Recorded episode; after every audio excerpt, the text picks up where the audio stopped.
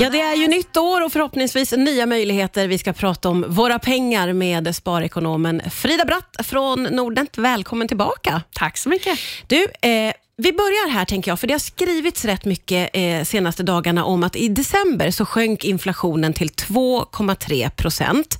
Eh, och det kändes för många av oss som glada nyheter. Vad innebär det här? Ja, men det innebär ju inte som många kanske tror vid en första inblick att priserna faller när inflationen faller, men det innebär ju att prisökningen bromsar upp och det är ju det som är viktigt i första hand. Att vi får liksom stopp på den här stora prisökningen som vi har haft under det senaste året. Just det. Och Riksbankens mål för inflationen det är ju 2 Ja. Nu kommer inflationen in på 2,3 så det är ju väldigt positivt. Det var ju inte så länge sedan vi hade de här upp mot liksom 9, 10, 11, Nej. 12 procenten.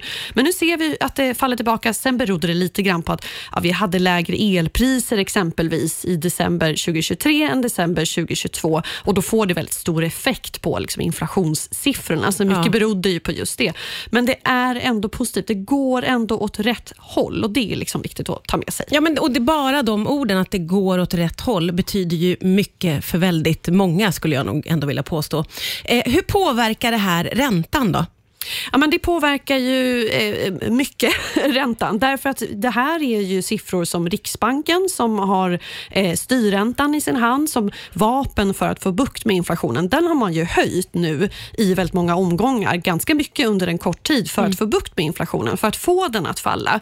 Nu har den ju fallit och då kan ju Riksbanken börja fundera på att sänka räntan istället. Man vill ju inte ha för låg inflation heller, så det får inte bli fel åt andra hållet. Så det här vill ju de balansera upp. Så nu börjar man ju prata om att räntesänkningarna är nästa steg. Så att nästa sak att fundera på är, ja, men när kommer räntesänkningen? Så det är snarare där diskussionen hamnar. Vem är det som fund- ska fundera på det här när räntesänkningen kommer? Ja, dels är det Riksbanken i Ja. första hand som måste tänka Ja. så att de balanserar det här rätt, inte sänker för tidigt, inte sänker för sent, utan liksom gör det här så att, så att liksom inflationen hamnar på en bra nivå och så att man inte, jag menar, sänker man för sent, ja då kanske svensk ekonomi ja, men, eh, hamnar i liksom en svacka som är liksom Ja, djupare ja, ja. än vad den Ja, behöver vara. Ja. Men sen är det också förstås alla vi bolåntagare, alltså våra bolåneräntor påverkas ju av det här. Så det är klart att har man bolåneränta så ligger det ju i ens intresse att veta när den här sänkningsserien som vi ändå tror kommer påbörjas. Och då Ja. kan det bli Ja, det kan bli senare under våren, senvår, början av sommaren tror de flesta på nu. Då. okej. Men det vill Ja. ju till att de här inflationssiffrorna fortsätter att komma in enligt vad vi tror nu, att det fortsätter att, Att det falla. fortsätter att gå åt rätt håll, så Ja, att säga. exakt. Eh, och, och, och, och Hur stora är chanserna kring det, skulle du säga? Att det Jo, fortsätter men det, att gå åt rätt Det håll? är stora chanser. Det är det man ser. Det kan bli så att när vi får januarisiffrorna som kommer en bit in i februari så kan det eventuellt bli litet bakslag. Men det är liksom inom marginalen kan man säga. Den stora bilden är att nu faller inflationen. Eh, så att jag tycker väl att man, man som bolåntagare så kan man se fram emot lägre räntor. Sen hur låga och hur mycket de sänks, det, där ligger ju osäkerheten. Men att det blir lite lättare, både som bolåntagare eh, men också ja, men som konsument överlag. Alltså vi får en lägre inflation, vi får stopp på de här prisökningarna.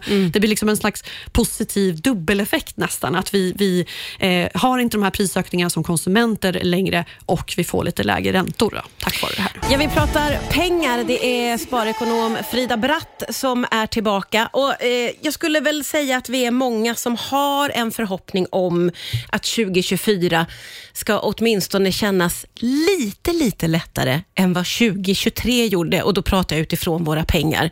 Eh, vågar man hoppas på det, Frida? Ja, men det tycker jag faktiskt att man ska våga göra. Alltså 2023 var ju tungt för väldigt, väldigt, väldigt många.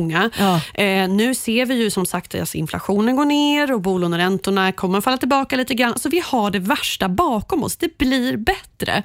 Så att liksom det budskapet som man vill liksom skicka med någonstans är lite så här, håll ut, det blir lite bättre 2024. Sen finns det ju alltid, tyvärr, såna här tråkiga brasklappar. Då, Ja, jag grann. dräm till med en. Ja, jag får drämma till med en. Och Det är ju att Sverige är i en lågkonjunktur. Så är det trots allt. Eh, och En lågkonjunktur ja, men det kan ju förstås innebära att det finns de som kommer att bli av med sina arbeten när det går sämre för svenska företag exempelvis. Och ja, Blir man av med sin inkomst, ja, men det är klart att då kanske några punkters lägre ränta är en ganska klen tröst. Så att det är klart att för den gruppen som riskerar att bli av med sitt arbete, ja, då kommer ju 2024 bli väldigt tufft mm. för den egna privatekonomin. Så är det ju. Mm. Så att ett medskick där är väl att liksom, det är väl bra alltid att se om sitt hus lite grann. Alltså kolla, är, är, man med i a-kassan? Om inte, ja, men det kanske kan vara bra att gå med bara för att säkra upp lite grann. Mm. Så på den fronten så, så finns det en grupp som kanske kommer att få det tuffare. Mm. Men man, behåller man sin inkomst, ja, då kommer de här andra fasta utgifterna att bli lite lägre under 2024 än 2023. Och Då eh, för det mig in på eh, det här med sparande. Förra gången som du var här så eh, var vi i en situation, många av oss, där vi kände att vi nästan behövde pausa vissa sparanden för att det var så himla tufft. Eh, om det nu är så att det finns en liten, liten ljusglimt, hur tycker du att man ska tänka kring sitt sparande 2024? Ja, men jag, jag, inte bara pausa sina sparande, det kanske var till och med så att man fick ta av sin buffert ja, ja. faktiskt för att få ihop Verkligen. sina, sina eh, inkomster och utgifter och, och sådär, få månaden att gå ihop. Eh, nej men jag, eh, jag tycker väl att så här, det finns en viss osäkerhet kvar trots allt. Alltså vi är som sagt i en lågkonjunktur. Eh, eh, det är väl kanske bra att eh, i första hand se till att bättra på den där bufferten. Man kanske tog lite av den där när det såg som allra mörkast ut, kanske gör fortfarande. Men när man har möjlighet, ja, men då kanske det är läge att liksom bättra på den där bufferten igen. Alltså, mm. så man kan väl se det lite som att man kanske lånade lite pengar från bufferten när det behövdes, Just. vilket ju är helt i sin ordning. Och det är därför man har en buffert. Och det är därför man har ja. en buffert. Men sen vill man ju ha en buffert framöver också, så att man kanske prioriterar då i så fall att sätta av de där pengarna igen, om man känner att man har den möjligheten, mm. på ett sparkonto. Nu får vi faktiskt fortfarande lite ränta. Det är ju tyvärr en sak som eh, kanske blir lite sämre då, om vi får sänkt eh, lägre styrränta, så påverkar det tyvärr då också sparräntorna. Mm. Men än så länge så kan man faktiskt få ganska bra sparränta eh, om man sätter av lite extra. Så att återställa den här bufferten kanske, om det är så att man har eh, tagit av den. Så det kan man ju fundera på att göra i, i första hand. Verkligen. Vi pratar om eh, vår ekonomi. Det är sparekonomen Frida Bratt som är här. Och eh, Vi har ju kunnat konstatera att det är ju fortsatt tuffa tider. Eh, men det, går, det är mycket som går åt rätt håll. Vi vågar hoppas på en ljusning under 2024. Jag måste få ställa en av mina dumma frågor, för vi pratade lite grann om det här med inflationen eh, och eh, när Riksbanken ska ta sina beslut.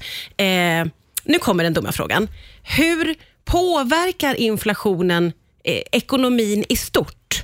Om du Förstår mm. du min fråga? Ja, nej men, eh, ja, jag förstår. Alltså, inflationen är ju det som vi ser som inflation. När vi får inflationssiffror, ja. då är ju det ett mått på prisökningarna i samhället. Så det är inte så att inflationen påverkar ekonomin, utan det är ju en del av ekonomin som vi mäter. Ja. Så inflationen är ju prisökningarna på varor och tjänster i samhället. Då. Och Då finns ett sätt att mäta det här som Statistiska centralbyrån gör, där man sätter ihop liksom en korg inom stations citationstecken med olika varor och tjänster och så mäter man liksom prisutvecklingen.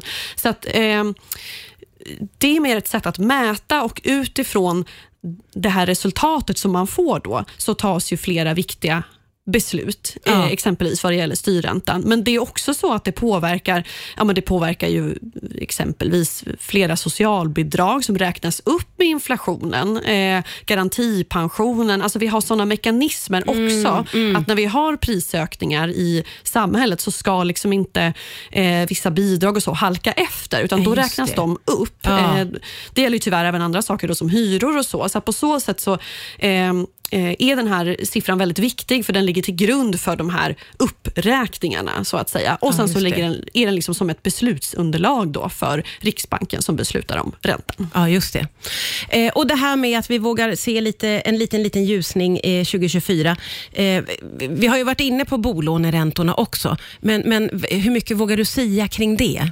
Ja, men jag tror att eh, det står mellan att Riksbanken börjar sänka räntan med 25 punkter i, i antingen i mars eller i maj. Eh, skulle kunna bli i juni också. Det där beror ju på hur de här inflationssiffrorna kommer in under våren.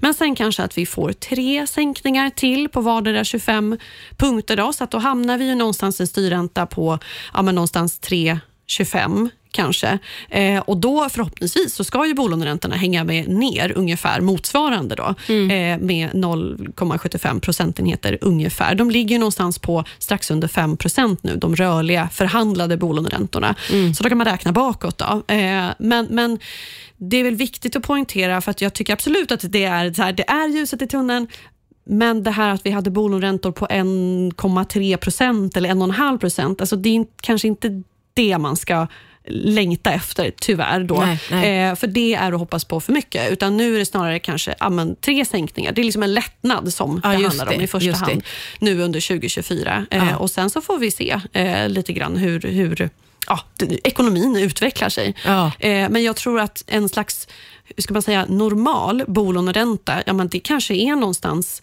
3-3,5 procent. Att det är där någonstans som det kanske kommer stabiliseras sen. Mm, Så det är inte någon snabb nedgång till de här väldigt, väldigt låga räntorna som vi hade under ett tag, som var väldigt trevliga på sitt sätt. Ja. Men eh, eh, det, det var eh, det var ett undantag, en Ja, undantagsperiod. okej. Men kan det är väl bra att ha med sig Ja. och att också ha någon slags långsiktighet. Eh, Ja, men att veta vad man ska förvänta sig Ja, kanske. Nu ja. när vi börjar prata lägre räntor så är det liksom någonstans där som man kan sikta på lite grann. Mm.